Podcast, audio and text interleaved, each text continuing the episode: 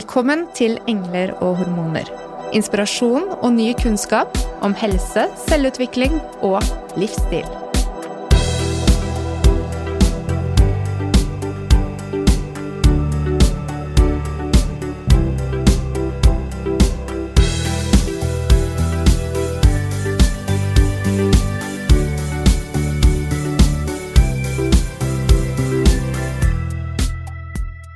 Vi er opptatt av å gi barna våre en god start på livet og legge til rette for at vår egen kropp fungerer godt også gjennom hele livet. Barn og voksne påvirkes av kosthold og livsstilsvalg. Og mange av de positive valgene vi kan ta, de er enkle og tilgjengelige for oss hvis vi er bevisste. Mer kunnskap om det skal vi i dag få fra barnelege og forsker Karina Saunders, også kjent som skribent for Aftenposten og folkeopplyser gjennom sosiale medier. Hjertelig velkommen til deg, Karina. Tusen takk. Det er veldig gøy å bli invitert i podkasten deres. Som alltid så ønsker vi å bli litt bedre kjent med gjestene våre. Kanskje du kan starte med å fortelle oss litt om deg selv?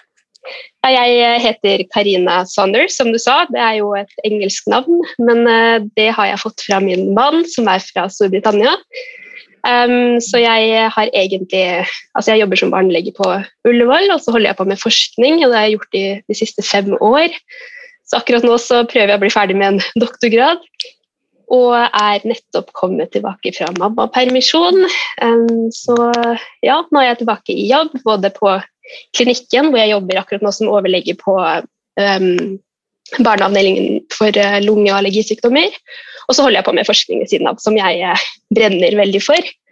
Og det tror jeg vi skal snakke om litt mer i dag. Ja, mm. det gleder vi oss til. Hva var det som ble liksom din vei inn i forskerverdenen og til medisinstudiet, Karina? Um, altså Medisinstudiet det tror jeg tenkte på å bli lege fra jeg var ganske så liten. Eh, det er kanskje fordi pappaen min var lege òg. Men Så jeg studerte da medisin i Tyskland, i München, og så kom jeg til Norge etter det.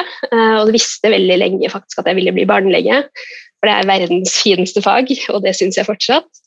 Uh, og så Veien inn i forskningen var litt fordi jeg ble plutselig veldig opptatt av dette med tarmen, som vi finner så veldig mye mer ut av nå, er jo tarmmikrobiota, eller disse flotte bakteriene som bor i tarmen vår.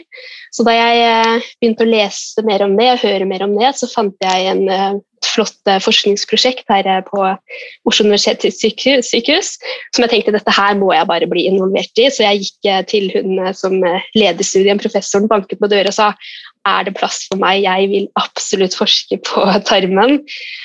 Så det var på en måte litt vei inn i forskningen. Og det har vært en veldig spennende reise. Så jeg har lært veldig mye om hvordan man forsker, og ja, det har vært uh, mm, veldig mye spennende vi finner der.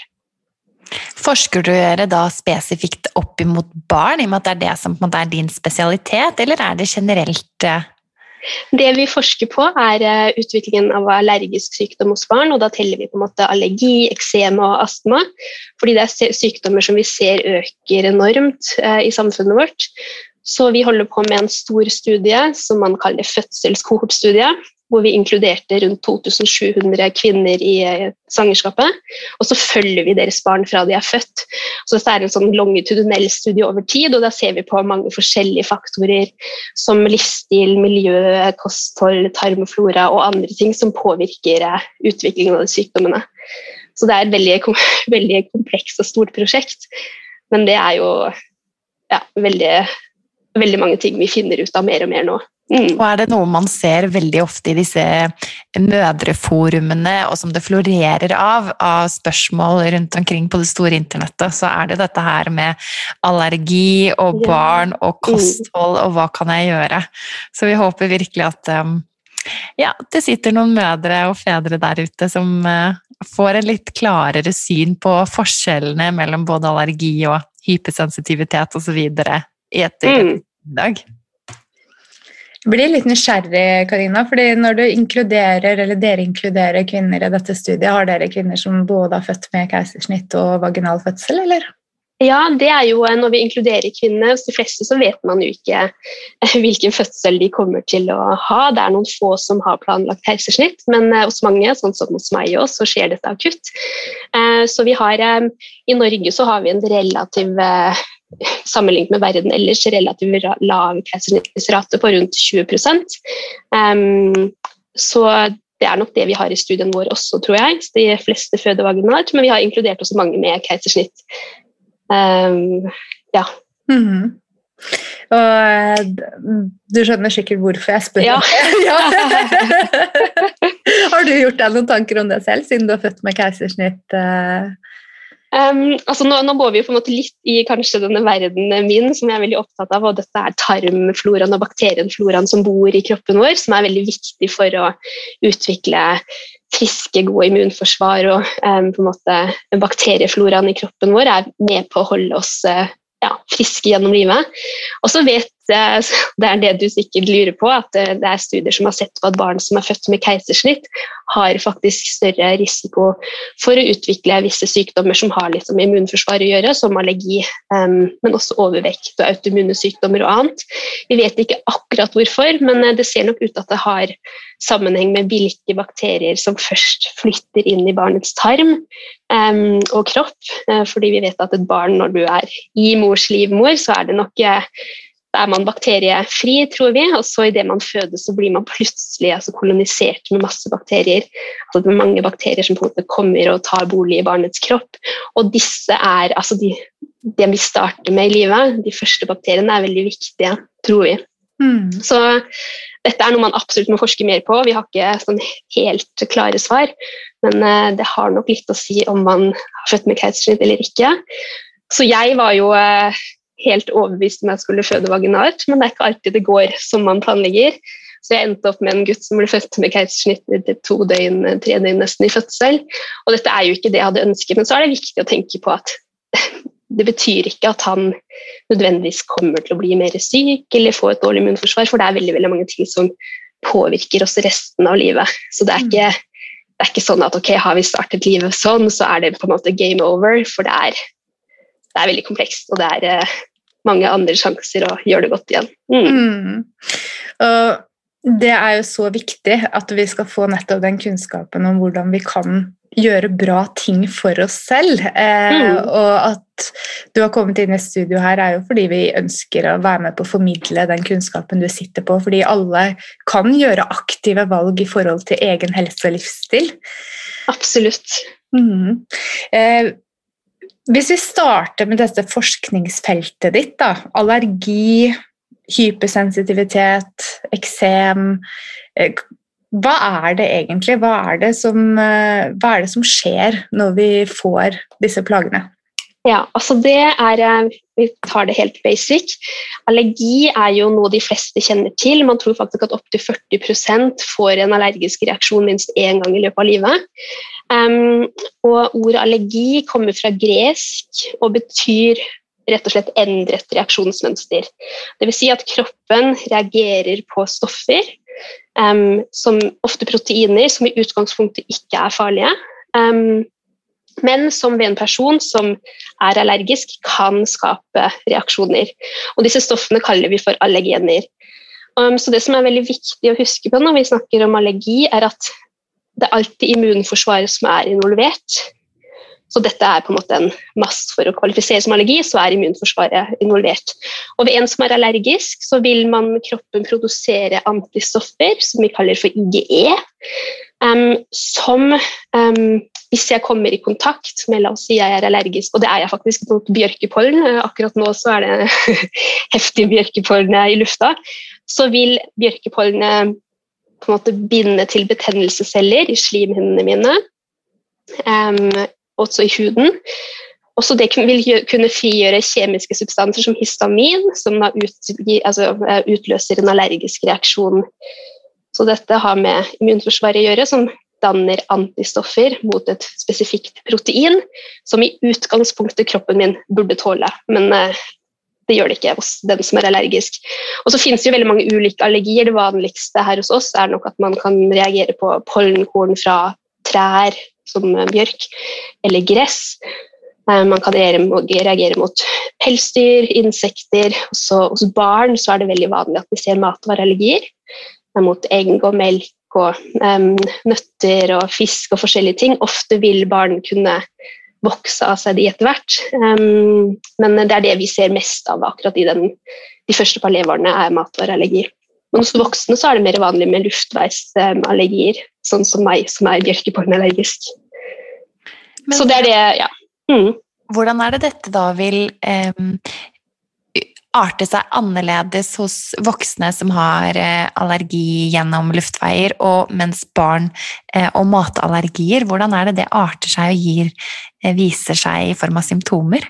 Um, symptomene kan uh, være forskjellige. Når vi snakker om luftveisallergier, så er det jo hjernesymptomer som uh, påvirker um, om det slimhinnene i nese og munn og øynene. Så dette er liksom uh, ja, orale symptomer. Um, matvareallergier vil kunne altså Det er jo veldig variasjon også fra person til person. Det kan være lette symptomer til alvorlige symptomer, særlig når det gjelder mat. Um, også organsystemene som er involvert, er ofte hud, så man vil kunne få altså, elveblest, rødt utslett, hevelse, kløe. Um, og så kan man få luftveissymptomer hvis man er veldig alvorlig allergisk. Um, f.eks. peanøttallergi, så kan man få eh, på en måte hevelse i luftveiene, som kan være alvorlige. Og så kan man ha involvering av det sirkulatoriske systemet med høyt um, altså takikardi, dvs. Si rask hjerteslag og blodtrykksfall. og Det er noe vi er jo mest bekymret for. Ved en anafylaktisk reaksjon, som er den sterkeste allergiske reaksjonen, så vil man kunne få blodtrykksfall, og dette kan være potensielt livstruende. Det ser vi ikke så ofte hos barn, men det kan forekomme hos barn også. Så det er en stor variasjon i hvordan man reagerer, og så hva man reagerer på. Mm. Mm. Det er jo noen som er hypersensitive eller er intolerante for enkelte stoffer eller matvarer. Hvordan arter det seg annerledes enn det å være allergisk? Og det, det, tenker jeg er et veldig godt spørsmål, for her gjør det, det gjøres mye feil, og det tror jeg ofte er veldig feilforstått. Altså Man kan også ha altså Det du nevner, er jo på en måte en, en intoleranse er en matoverfølsomhet. Og her er ikke immunforsvaret involvert, som ved en allergi. Um, selv om symptomene ofte kan ligne på en allergi, men så kommer de ofte fra magetarmen. Også ved en allergi da inntrer symptomene ofte ganske raskt etter eksponering. Og sånn matoverfølsomhet eller intoleranse så kan det ta to eller fire timer gjerne før symptomer oppstår. Um, og så er det sjelden at ved en intoleranse er symptomene veldig sjelden farlige. Mm -hmm. Selv om de kan jo være veldig ubehagelige og absolutt redusere livskvalitet. Men det, det gir ikke på en måte farlige, livstruende reaksjoner. Mm um, og det kan være Eh, hos en allergi er, man, er, reaksjonen ofte rettet mot et protein. Med matoverfølsomhet eller intoleranser så er det ulike substanser i maten som kan utløse en reaksjon. Et klassisk eksempel som mange kjenner til, er jo laktoseintoleranse. Hvor man mangler et enzym i tarmen som da ikke bryter ned melkesukker, og som gir eh, symptomer fra tarm, tarmen. Eh, eller så kan man reagere på histamin i matvarer. Det er det noen som gjør fordi du ikke har de rette tingene for å bryte ned. Så da reagerer man f.eks. på rødvin eller oster og um, slikt. Og et annet eksempel er for pasienter med irritabel tarm eller IBS, som også er veldig økende. De kan reagere på komplekse eller forskjellige karbohydrater eller fiber i kosten. Så det er liksom et veldig bredt spekter av intoleranser, men det er en stor forskjell mellom det og en allergi. Mm. Mm. Så når er det det da er riktig å oppsøke lege? Um, dersom man har et barn som viser symptomer, ubehag, um, symptomer fra mage-tarm eller hud, da? Jeg tenker jo i utgangspunktet um, man vet at, eh, eller Norske undersøkelser har vist at opptil 30% av foreldre har faktisk mistenkt at barnet har reagert mot en matvare i løpet av de første to leveårene. Så det viser jo at dette er en veldig veldig vanlig problemstilling og noe mange foreldre lurer på. Fordi barn kan gjerne få veldig mange uspesifikke symptomer. Hos babyer så kan man se sant, mye gulping, eh, kolikk, vondt i magen. Så det er ofte man mistenker matvarer. Um, hvor man reelle tall nok viser at rundt 7-8% har en reell allergi eller intoleranse. Um, så det er en slags diskrepans. Jeg tenker Før man går og utprøver veldig mye selv, eller går og blir litt sånn lost i forskjellige foreldrefora, mm. um, så tenker jeg at man uh, bør oppsøke en lege. Mm. Uh, for å på en måte ta en grundig Det viktigste i utredningen er jo en veldig grundig sykehistorie. Og det tenker jeg det må man uh, det kan egentlig hvem som helst gjøre, det kan fastlegen gjøre.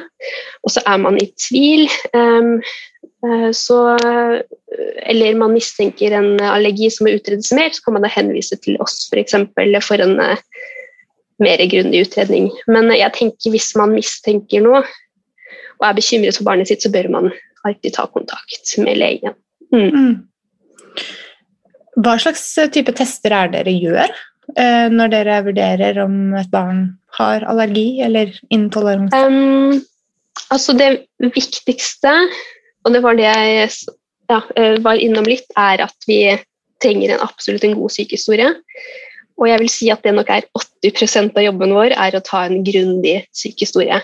Mm. Og så er det veldig viktig å vite at um, vi tar jo da også gjerne supplementerer det med blodprøver eller en prikktest, som er en allergitest i huden. Men en test alene vil ikke vise om barnet har et allergi eller ikke. Så hvis jeg mistenker noe spesifikt gjennom en god syke, altså ta opp en god sykehistorie, da vil jeg ta helt målretta prøver mot det jeg mistenker. Eh, så dette å bare teste helt vilt og bredt er veldig dumt. For vi vet at en prikktest blodprøve, blodprøve ikke kan stille en diagnose. Mm. Både fordi jeg kan ha utslag i blodprøver, dvs. Si at jeg kan, det vi tester i blodet, er jo disse IGE-antistoffene. Gjerne mot hvis jeg mistenker f.eks. en nøtteallergi, så tar jeg, eller en peanøtteallergi, så tar jeg IGE. Så vil jeg finne disse IGE-antistoffene som er rettet mot spesifikt peanøtt. Så hvis dette samsvarer med sykehistorien, og så finner jeg dette på blodprøvene, så har jeg funnet en uh, diagnose. Men man kan også ha utslag på blodprøvene uten at man har en allergi. Og Det er noe vi kaller sensibilisering. Og det er det nok mange som har. Så, så lenge man ikke har symptomer på Selv om jeg har utslag på en test, så er jeg ikke allergisk. Mm. Så det tenker jeg er veldig viktig å vite. Um, så det vi gjør, er jo da å spørre gjerne hvis en forelder kommer til oss, er at har barnet vært eksponert? Har barnet hatt symptomer? Hvilke symptomer har barnet hatt? Um, og så vil vi vite om symptomer kommer de umiddelbart, hvor lang tid etter f.eks. barnet har spist noe, opptrer symptomene. Og så vil man se om det er en slags konsistens. Har barnet de samme symptomene hver gang det er eksponert? Um, så er de symptomene like hver gang. Så det er liksom mange, mange ting vi må gå gjennom og spørre om. Og så er det så viktig å vite at man um, må spørre helt spesifikt. Vi spør ikke bare om nøtter, men så vil jeg vite om har barnet spist valnøtter, peanøtter, mandler, cashew altså Det er jo mange forskjellige. Vi spør ikke bare om belgvekster, men om erter og bønner og linser. Så man må liksom veldig, gå veldig nøye gjennom eh, ja, en sykehistorie. Mm. mm. Og det må man ta seg tid til. Og det skal da fastlegen også kunne gjøre? ikke sant? Det bør en fastlege kunne gjøre, absolutt. Mm. mm. Og dette her er jo da dersom barna har vært i direkte kontakt med disse potensielle allergenene. Da. Men hva er det som kan komme gjennom f.eks. morsmelk eller ved morsmelkserstatning? Da er det jo veldig mye snakk om melkeallergi eller melkeprotein, kasein ja. osv. Um, når vi snakker om også det virker jo kanskje litt rart at man barnet kan reagere på melk når barnet er fullammet, f.eks. Og det er jo noe vi ser um, relativt altså Hyppig blir kanskje feil å si, på, vi, på sykehuset ser vi jo um, nok de Et lite utvalg. Men, litt, lite utvalg. Men uh, altså det vi snakker om her, er noe som man kaller en ikke-IGE-mediert allergi, vanligvis. Det vil si at IGE um, antistoffene. Altså IGE er ikke involvert, men tarmen kan likevel reagere på visse proteiner. Og da gjerne typisk melk, men også soya og egg uh, og hvete eventuelt. Det er vanlig. Det er ulike grader, så det typiske vi ser, er da et barn som eh, f.eks. ved fire måneder kommer til oss som har hatt litt blod eller slim i avføringen, eh, men som går opp eh, fint i vekt. Men da er det liksom dette ferske blodet i bleien, og da mistenker vi egentlig man tar selvfølgelig opp en sykehistorie, utelukker andre ting, men det vanligste er at man kan ha en ikke-IGE-mediert kumelkproteinallergi. Um, det vil si at tarmen reagerer på kumelk som faktisk går via morsmelken i barnets tarm. Og så finnes det noen mer alvorlige former som kan forårsake mer diaré over mange måneder, eller også mer akutte tilstander med oppkast og diaré og dehydrering. Det er vel mer sjeldent, men det er også på, som reaksjon etter inntak av dette allergenet, eh, som ofte er kumelk. Um, så dette er greit å være bevisst på at det fins. Det, det, som er på en måte good news, er at uh, dette er noe som de fleste barna vokser av seg innen et år. I hvert fall innen andre leveår. Så dette er noe som typisk opptrer hos babyer, som man ikke hører noe mer om senere i livet. Mm. Sånn som hudforandringer, eksem, barneutslett. Altså, det er jo en, eh, en verden i seg selv, Karina. Ja. det er veldig vanskelig. Og eh, mange som opplever at barna får, får, utslett, kan det også komme rett og slett som en eh, reaksjon på det vi nettopp gikk igjennom? Um, ja, og dette her er eh, også et på en måte litt komplekst tema, fordi Eh, altså Astma, allergi og eksem er jo sykdommer som hører litt sammen, som er ofte kalt for atopiske sykdommer. så de, um, har man det ene, så har man en større risiko for å ha det andre. Så barn med eksem har også større risiko for å utvikle matvareallergi. Men det er ikke slik at barn som har eksem, nødvendigvis får eksem fordi de reagerer på noe i maten. Det er noen sjeldne tilfeller. Det fins absolutt at um, hvis man også har, på en måte, er sensibilisert eller allergisk, at man kan få en forverring av eksem eh, hvis man spiser visse ting. Um, men dette tenker jeg er noe man må gå litt igjennom med ja, eh, behandlende lege for å finne et uh, svar. Det er, ikke, det er, ikke, alltid direkte sammenheng, men det kan være det. Mm. Og så er det jo vanlig at uh, man kan reagere på Det er ikke uvanlig at uh, babyer eller småbarn kan bli litt røde rundt munnen når de spiser gjerne jordbær eller ketsjup og litt sånne ting, fordi dette er matvarer som kan frigjøre disse kjemiske substansene vi snakket om i stad, som heter histamin, som gir en slags ja, litt sånn utslett rundt munnen, men dette er ikke en, det er ikke en allergisk reaksjon eller noe som er farlig. Okay. Så det er også noe mange foreldre lurer på. Mm. Eh, hvis man kommer til at man har fått en diagnose på en eh, allergi, eh, hva er behandlingen som man da setter i gang for barna? Um, hovedregelen er jo at man skal unngå eksponering for det som gir symptomer. Mm. Så er man f.eks. allergisk mot en matvare, så er den eneste behandlingen å unngå den matvaren. Um, og det er jo, altså for matvarer er det relativt enkelt. Eh, eller enkelt, det kommer litt an på. Det er noen som er multiallergikere, og det, vil jo påvirke livskvalitet på en måte hvis du må utelukke eller utelate veldig mange matvarer. Men dette er på en måte en straight forward liksom, behandling. La det bort. Og så Hvis man er allergisk mot ting som er ute i lufta, pollenallergi f.eks., så vil det være umulig å unngå helt. Og Da er det vanlig at man bruker lokal behandling, gjerne øyedråper, nesespray. Eh, så kan man ta allergimedisiner, som er antihistaminer, eh, som tabletter.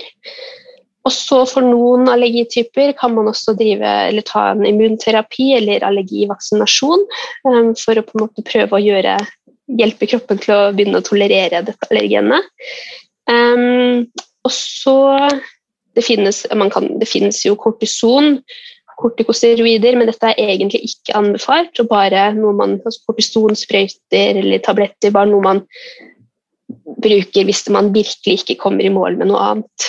Um, ja, og så De som er veldig alvorlig allergiske, som har sånn allergisjokk eller anafylaksi, de har jo gjerne med seg en epipenn, altså den adrenalinpenn, som da kan brukes hvis man opplever en alvorlig allergisk reaksjon. Mm. Hvis man skulle komme opp i en sånn situasjon da, hvor man møter en, kall det tilfeldig, eh, som kommer i et sånt sjokk, hvor er det man eventuelt skal sette den sprøyta? Jeg bare lurer sånn hvis jeg kommer ja. i den situasjonen en gang. Ja, Det er jo et veldig godt spørsmål. Det er sikkert, helt sikkert videoer på YouTube, men, eh, regner jeg med. Men eh, altså, da setter man den, Det er en relativt kort nål på kanskje ja, jeg vil si det er kanskje to centimeter maks, um, som man da setter rett i lårmusklene. Um, mm. Så det settes på en måte Man kan ikke gjøre så veldig mye feil. Sett den liksom rett inn i ja, låret. Mm. Intramuskulært. Kjekt å vite. Men kjenner vi til noen forebyggende tiltak da, mot liksom, allergi og eksem og astma osv.? Det er et veldig godt spørsmål, og dette er jo bl.a. noe av det vi prøver å se på og forske på. Mm. Det vi altså nå må jeg jo, ja, altså Så langt så har det vært veldig lite man, råd man kunne gi for å virkelig forebygge. Eh, disse sykdommene, Men så har det kommet ut noen veldig spennende studier i løpet av de siste årene fra Storbritannia. Eh, og De har blitt eh, relativt kjent som LEAP og EAT-studien, heter de.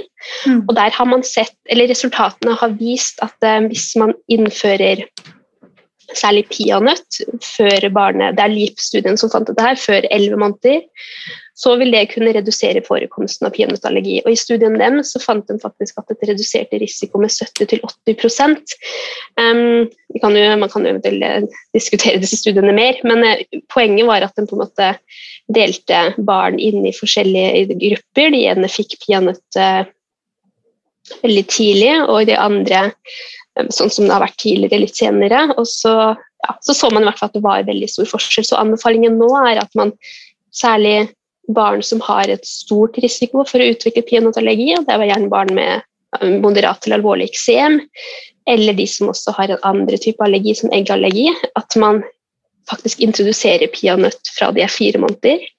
Det er jo veldig tidlig. Da mm. vi var eh, barn, så var jo anbefalingen å vente lenge før man gir peanøtter, for man trodde at dette å gi sånne allergene matvarer faktisk kan provosere allergier, og nå har vi gått helt motsatt vei.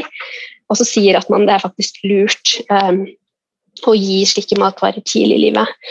Også andre barn som har en helt vanlig type risiko, så ville jeg sagt at fra barnet begynner å spise fastfødende, så er det lurt å gi eh, peanøtt i form av f.eks. peanøttsmør, fordi du da Og dette er jo eh, en av de matvarene som eh, gjerne altså Hvis man utvikler en peanøttallergi, så er nok eh, det en av disse typer mer alvorlige allergiene. Så det er veldig flott hvis vi faktisk kan forebygge det. Og så kan det hende at det også er det samme gjelder med egg, men resultatene var ikke like klare på det. Men jeg tenker det er lurt å innføre disse typer matvarer som kan forårsake matallergi tidlig i livet, framfor sent. Har man da forsket noe på mengde, eh, og hvordan man eventuelt skal gå frem i forhold til dosering? Ja, altså hmm. jeg, jeg, husker ikke akkurat tallene på dette her. Um, jeg tenker Når man begynner med disse matvarene, så begynner man jo gjerne med en litt mindre mengde, en liten smak på fingertuppen i form av peanøttsmør, og så øker man det gradvis. Men i utgangspunktet, hvis du har et barn som ikke har noen risiko for å ha en type allergi, så hadde jeg ikke vært så bekymret på akkurat doseringen, men hvis har du et barn med mer alvorlig eksem eller hvor man mistenker allergi, så hadde jeg nok kanskje diskutert dette med legen før jeg bare setter i gang. Men mm. um, jeg vet at det Ja. Denne økningen av allergi blant barn, har du, ja. hvorfor har det blitt slik? Er det, fordi, er det, fordi, vi er mer oppmerksomme på det og får flere diagnoser, eller er det andre faktorer som spiller inn? Jeg tenker at det absolutt er andre ting. Eh, det er ikke det at vi plutselig har blitt så mye flinkere til å stille diagnoser, men eh, det er faktisk en reell økning. Når man ser på disse kurvene av eh, allergiutvikling over de siste 50 årene, så er det faktisk ja, det er skremmende å se hvor mange barn som utvikler allergi. Vi har jo alltid visst at gener, altså arv, spiller en rolle.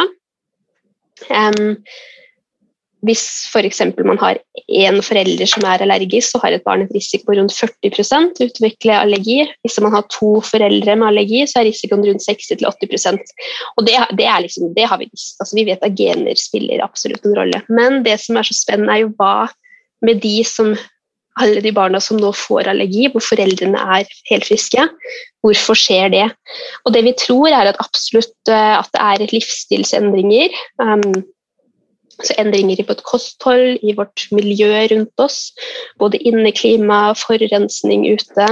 Så dette på en måte vi er ja, miljøet rundt. Og så um, en ting som vi nå begynner å finne ut av mer og mer, og dette er jo det jeg brenner veldig for i min forskning, er dette med mikrobiotaen, altså denne um, kontakten med bakterier i vår omverden, og bakteriene som bor i vår, eh, kroppen vår, som heter altså bakteriefloraen eller mikrobiotaen. Mm. Um, altså vi vet at det er nok altså en redusert kontakt med bakterier i omverdenen og et redusert bakteriemangfold inni kroppen vår spiller nok en veldig stor rolle her. Hvordan gjør det det, da? Vi, vet vi det? Eh, hvor mye vet vi om hvordan det påvirker? Altså, jeg tror um, vi, Kanskje jeg skal ta bare litt sånn eh, basic først, for de som ikke har hørt om dette her før. Um, når vi snakker om bakterieflora eller mikrobiota, så snakker vi om alle de gode bakteriene som bor inni kroppen vår. Um, også, det høres kanskje rart ut, for vi har jo vokst opp med å tenke at bakterier og virus og sånt er ting man skal passe seg for, det er noe vi skal liksom, ja, bli kvitt og fjerne. Men nå finner vi ut av at vi faktisk som mennesker har trillioner av mikrober eller mikroorganismer som bor inni oss, som på en måte lever i en slags symbiose med oss, er med på å passe på oss, eh, holde vårt immunforsvar eh, fungerende og på en måte har utrolig mange viktige funksjoner Um, og faktisk ikke er Det er bare et fåtall av bakterier som er skumle. Um, og så ser vi at vi har jo eh, i løpet av de siste i hvert fall ja, 50 år så har vi nok mistet veldig mye av dette bakteriemangfoldet vi har hatt før. Um, og dette har jo veldig å gjøre med industrialiseringen. Måten vi nå lever på, er et helt annet enn måten man levde på for 100 år siden, hvor man bodde på kanskje gård, og man dyrket mat selv, og man levde og spiste annerledes, man pustet litt annen luft. og Vi trenger på en måte et bakteriemangfold i kroppen, og spesielt tarmen vår, det er der de fleste bor, for å på en måte opplære immunforsvaret vårt. og Det er særlig viktig i starten av livet. Um, så vi vet at de aller fleste som utvikler f.eks. eksem eller allergi, um, matvareallergi, gjør dette i løpet av de første par leveårene. Um, og det har veldig sammenheng også med hvilke mikrober og mikroorganismer som tar bolig i barnets kropp.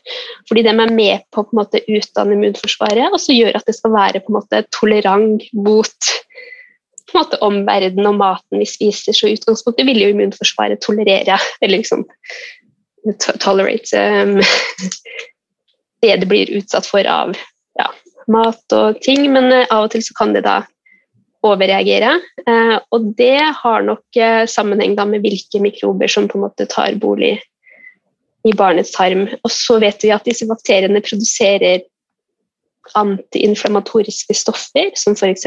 kortkjeda fettsyrer, som går ut i blodet og i hele kroppen og på en måte motvirker inflammasjon. Så det er veldig mange måter disse bakteriene og mikrobene som bor i barnets tarm, um, beskytter mot inflammasjon, altså mot sykdommer som allergi um, og eksem og andre ting. Jeg blir litt nysgjerrig, fordi du har skrevet selv på din eh, flotte Instagram-konto at hvis vi ser til andre land, som f.eks. Afrika eller Sør-Amerika, så er forekomsten av allergier og andre autoimmune sykdommer betraktelig mindre. Um, skyldes det rett og slett hvilke miljøer vi omgir oss i? Ja, absolutt. Og jeg syns det er veldig spennende å se på disse typer studiene som sammenligner vår vestlige befolkning med de som på en måte lever litt mer sånn som man gjorde for mange mange hundre år tilbake, urbefolkninger, gjerne i Amazonas eller i forskjellige steder i Afrika. Og da, um, man har forsket på forskjellige urbefolkninger, f.eks. For uh, Yonamami-folket som bor i Amazonas, um, i sånn regnskogsområdet der. Og da ser man at de lever jo altså De lever i regnskogen en helt andre liv enn oss, de spiser helt annen mat, de puster annen luft. De er altså eh, ja, eh, Men de har opptil 40% flere bakterier som bor i kroppen deres enn oss. Og det er nok også med en grunn til at man finner ikke sykdommer som allergi og autoimmune sykdommer og hjerte-karsykdommer. Alt det vi ser så mye av i våre vestlige sykdommer, finnes ikke der. Og det har nok veldig sammenheng med denne bakteriemangfoldet som de har i kroppen. Mm. Så er det en annen studie jeg også jeg syns er veldig, veldig fin, um, som um, ser på barn. og Da var det en forskningsteam som sammenlignet barn i Italia på en sånn helt vanlig vestlig kosthold um, og livsstil med barn som bor i Burkina Faso, som er et lite land i Afrika. Um, og der er, det er, et helt også igjen et, en befolkning som bor, bor i leirhus og med dyr som går inn og ut og spiser. De spiser røtter og en helt annen mat enn oss. De har et fiberinntak som er mye, mye, mye høyere. Um, og selvfølgelig også et fravær av prosessert mat og ultraprosessert mat osv. Men i hvert fall så har disse barna man testet en helt annen sammensetning av bakterieflora i tarmen enn barna man studerte i Italia. Også et fravær igjen av disse allergiske sykdommene. Så fant de at de har forskjellige bakteriearter i tarmen, disse afrikanske barna, som faktisk ikke finnes her hos oss. Som er med på å bryte ned disse gode delene måte, i, som fiber og karbohydrater i maten og frigir mer av disse gode antiinflamatoriske, altså betennelsesdempende stoffene. De hadde mye flere av dem sammenlignet med oss. Så dette er studier som viser helt klart at okay, det er vår livsstil, vårt kosthold, vårt miljø som nok eh, har i stor grad forårsaket den økningen vi ser av disse sykdommene. Nå er det jo veldig spennende at du snakker om ulike typer bakterier. Fordi um, når vi ser på å skulle tilføre tarmbakterieflora, så er det jo blitt veldig populært med fermentert mat og mm. prebiotika og probiotika. Um, men hvor gode er man på Hvor mye vet vi nå om hvor mange ulike typer eh, mikrobiomer som finnes, og hva de gjør. Og er vi på vei dit at vi også kan få en type mm. mer persontilpasset eh, medisinsk eh, hjelp når det gjelder tarmfloraen vår, mot spesifikke sykdommer f.eks.? Altså Det du snakker om nå, det er jo absolutt eh, målet, tenker jeg. Um, at man kommer dit. Men dessverre så er vi nok langt fra. Uh, men jeg tror om jeg vet ikke, en ti år pluss, eller ja, jo fortere jo bedre, at man kommer til å ta kanskje individuell veiledning hvor man kan eh, kartlegge en persons tarmflora, for det er jo som et slags fingeravtrykk. Hver, hver av oss har jo en helt annen sammensetning av eh, tarmflora. Men hvor man da kan kartlegge det og se okay, hvilke bakterier mangler du, hva trenger du, eh, hva er bakterier som er um, sykdomsfremkallende, hvordan kan vi eventuelt bli kvitt de, og hvordan kan vi tilføre de gode som du trenger. Um, og Det er jo noe man kanskje forsøker med probiotika nå, men problemet med probiotika er jo ofte at for det første er det lite forsket på, og det som hjelper meg, vil ikke nødvendigvis være til hjelp for deg. Og vi, hver av oss har jo opptil 1000 ulike bakteriesorter i kroppen vår. Og man har funnet jeg tror, ca. 12 000 forskjellige bakterietyper som finnes, og man anslår at det er kanskje over 30 000 forskjellige bakterietyper som finnes. En probiotika inneholder ofte to-tre forskjellige typer. Så det viser jo bare at okay, dette her er et veldig komplekst samfunn av mikrober inni oss, og dette å bare tilføre noen bakterier som kanskje ikke engang klarer seg helt ned i magen vår, eller i tarmen vår uansett, nok eh, i mange tilfeller er litt bortkasta penger. Så jeg tenker man eh, Jeg tror vi kommer dit etter hvert. Mm. Så er det noen tilstander som IBS og noen andre ting, da er det vist at noen spesielle bakteriestammer kan være til hjelp. Så hvis man har et helt konkret problem, så kan det være en mulighet å prøve probiotika. Altså, probiotika er jo da å tilføre aktive bakterier, men det er ikke noe jeg ville anbefalt på generell basis, for det er veldig lite vitenskapelig sett, så er det ingen studier som tyder på at det å gi en probiotika til en frisk person har så veldig mye for seg. Ikke hvis man har gått på antibiotika heller. Mm. Det er jo sånn typisk eh, et råd man får. Jeg tenker at det er ikke Man kan godt gjøre det. Altså, du gjør ikke noe feil, mest sannsynlig, men um, man er ikke garantert uh, suksess. Men akkurat antibiotika om man skal da ta probiotika noen uker etterpå, det kan være gunstig, men uh, jeg tenker at uh, vitenskapen er ikke helt enig eller klar på det. Mm, jeg har en annen tankerekke ut ifra det du snakket om før. Altså, fordi vi har jo eh, mange som er veldig opptatt av funksjonell medisin og Mm. epigenetikk. Og det som du sa med at arv spiller en rolle. Eh, og er det gjort noe arbeid i forhold til å se på om mikrobiomer har en rolle i å ja, altså aktivere nedarvede gener, f.eks., eller som ligger latent for allergi og den type sykdommer? Jeg vet det har blitt snakket om i andre fagfelt. Ja, altså dette um, Epigenetikk er nok ikke det området jeg ville si altså, Det er ikke det jeg føler at jeg er sånn veldig ekspert på, men det er jo et veldig veldig spennende um, forskningsområde, akkurat som mikrobiota også, hvor man finner ut mer og mer. Også, det er bl.a. studier jeg har sett eh, hvor man, eh, man vet at f.eks. mors tarmflora i svangerskapet spiller en stor rolle også på fosteret, og faktisk eh, visse bakterier som jeg sa i stad, en ting som bakteriene kan gjøre, er at den lager antiinflamatoriske stoffer, altså betennelsesdempende, gode, flotte stoffer, som også kan gå til fosteret, og så da faktisk også aktivere eller skru av og på gener. Så det er en sånn sammenheng mellom mikrobiota, gener, epigenetikk. Men um, det er nok veldig mye vi ikke vet. Eh, jeg tenker Innenfor funksjonell medisin og sånt, jeg tror nok av og til at man kan dra noen konklusjoner kanskje litt for langt på en basis som er litt tynn. Så jeg tror at her er det mange ting man eh, er nødt til å finne ut litt mer av. Men eh, ja. Men det vi kan gjøre noe med, er jo vårt eget eh, kosthold og sørge for at vi får i oss nok fiber. Ja Hva, har, har du noen gode hacks her til hvordan vi kan få i oss eh, mest mulig gode, gode Ja. Ja, jeg tenker det, Først må vi kanskje si at eh, jeg vet ikke om vi var innom det, at hva, hvordan kan vi sørge for at vi får en divers og god bakterieflora. Eh, og Da er det jo maten vi spiser som vi nok har mest kontroll over, som har mest å si. Vi vet at hva vi spiser, altså maten vår, er også mikrobenes eller bakterienes mat. Um, og det bakteriene trenger for å måte, gjøre jobben deres, er fiber. Uh, og fiber har vi jo uh, fram til uh, ikke så lenge siden sett på som et slags avfallsstoff som kroppen ikke trenger, man bare skiller ut.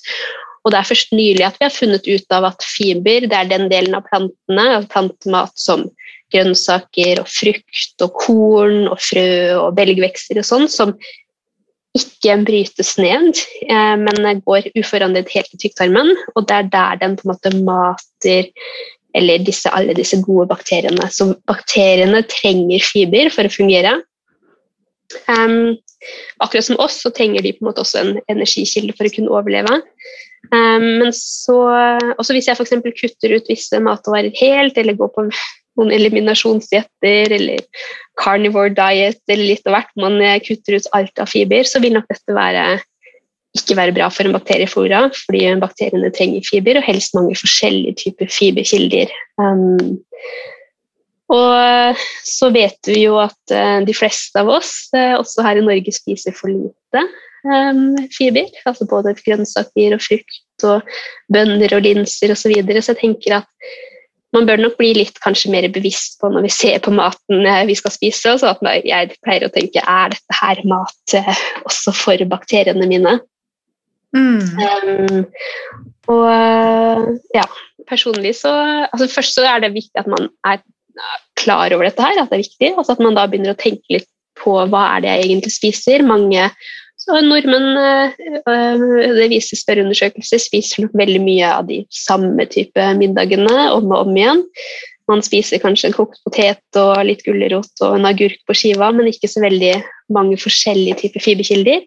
Så jeg tenker nok at man må bli litt flinkere og på en måte prøve litt nytt, prøve nye oppskrifter. Gjerne også med, Man må ikke bli vegetarianer, eller sånn, men bare at man inkluderer mer frukt og grønt. Og så kanskje prøver nye oppskrifter. Man kan også, hvis man syns det er litt vanskelig, lage en smoothie innimellom med spinat og frukt og frø og nøtter. Da får man i seg masse fiber, eller sånn som jeg lager ofte grøt på morgenen, og så har jeg på peanøttsmør eller mandelsmør og bær og frø. altså for Alt dette er med på, på måte også mate mine bakterier. Så jeg tenker det er mange tips og triks for å øke fiberinntaket.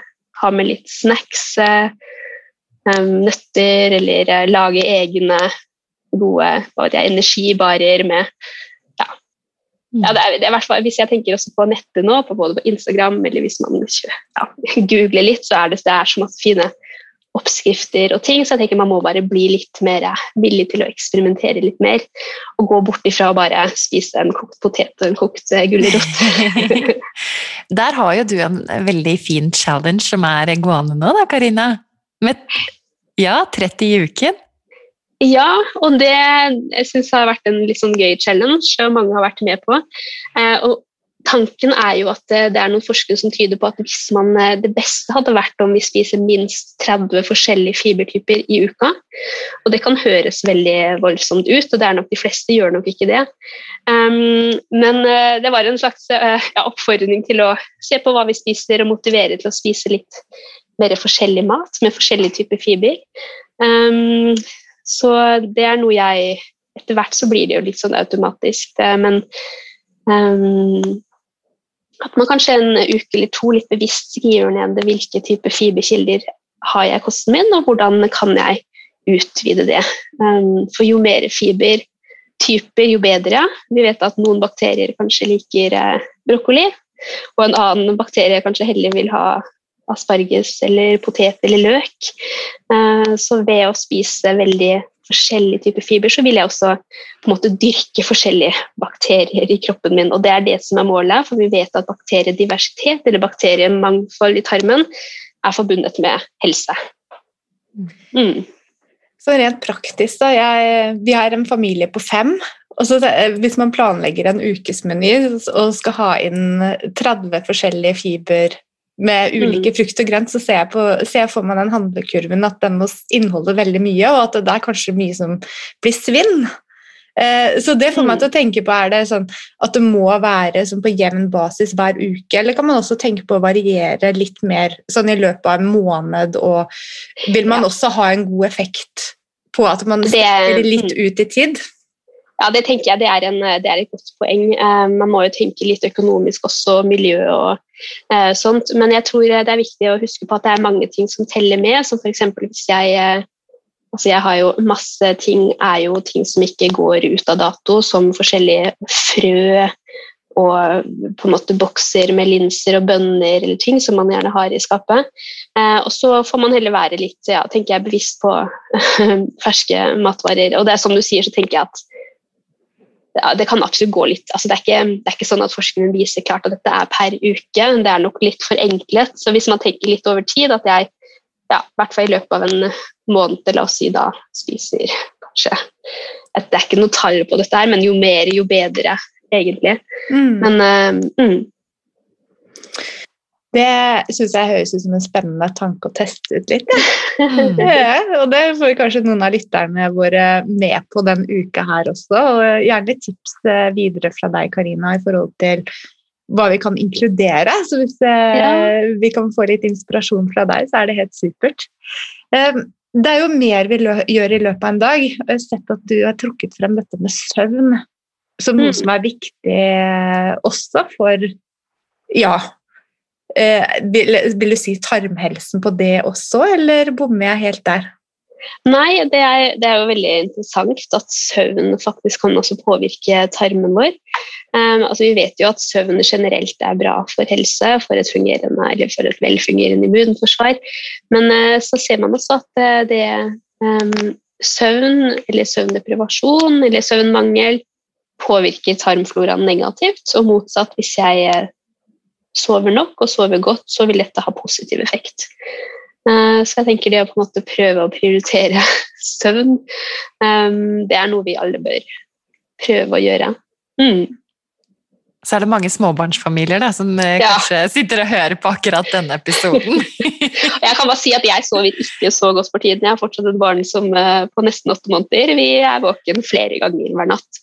Så jeg tenker av og til så er det perioder i livet hvor det er sånn, og så får vi heller ta det igjen eh, jeg, håper, ja, jeg håper ikke det går altfor mange år, men eh, etter hvert. Mm. Men jeg tenker dette uansett, selv om det er søvn, og så tenker jeg litt på sånn å på en måte prøve å redusere stressnivået, så er man jo litt forskjellig hva man trenger, om man kanskje går en tur i skogen, eller tar litt meditasjon, eller litt eh, Eller på en måte gjør det man trenger for å redusere stress, tenker jeg er like, absolutt like viktig. Mm plante litt. Nå er det jo vår, og det er eh, tiden for at ting begynner å spire og gro, og det er jo også bra for tarmhelsen vår. Absolutt. Ehm, vi vet at eh, eller Forskningen også viser klart at dette å være i kontakt med disse naturlige omgivelsene, og gjerne jord og skog og dyr og er absolutt bra. Altså Hvis vi lever altfor rene liv, så kan dette være negativt. Og særlig også for barn som er i en fase hvor man utvikler en sånn tarmflora og et uh, immunforsvar, så er det veldig flott om man i, kan komme mest mulig i kontakt med ja, gress og jord og skog og alt det grønne og gode rundt. Mm. Mm.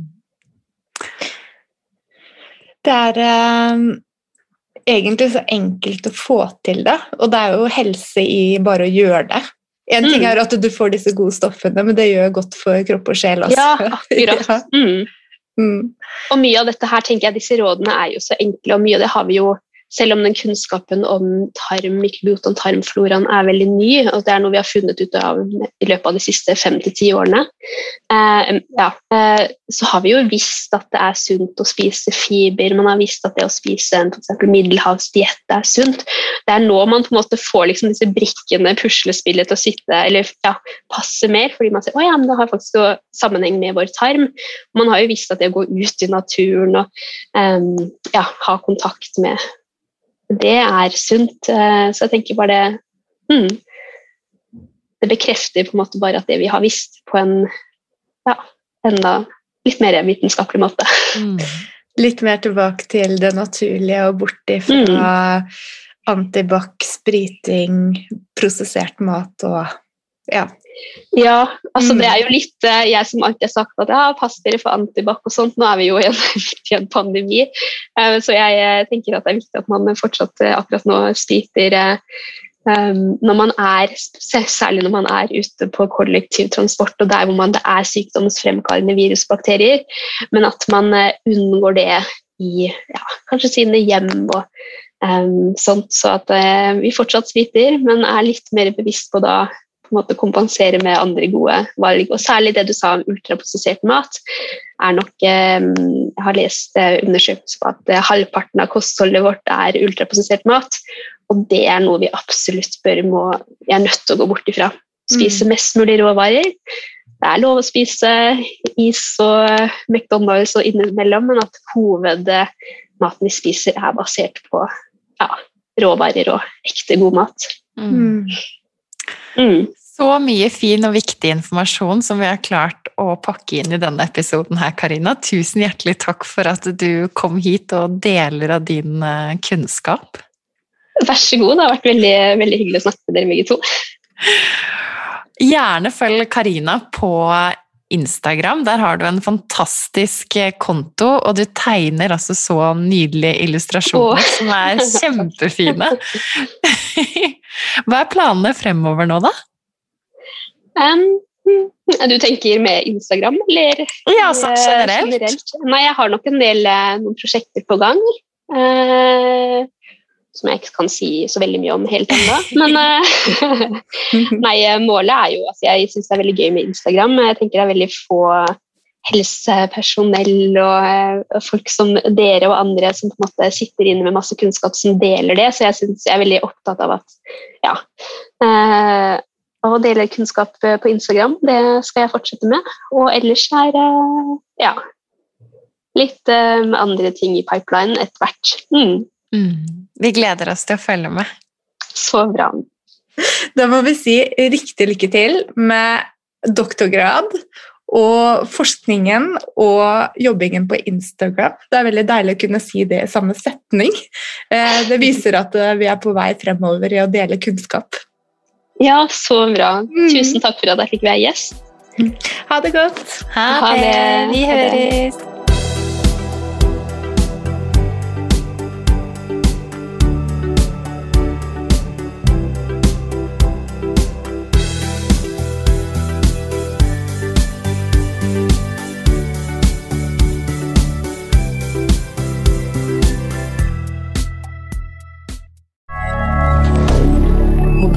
Inter.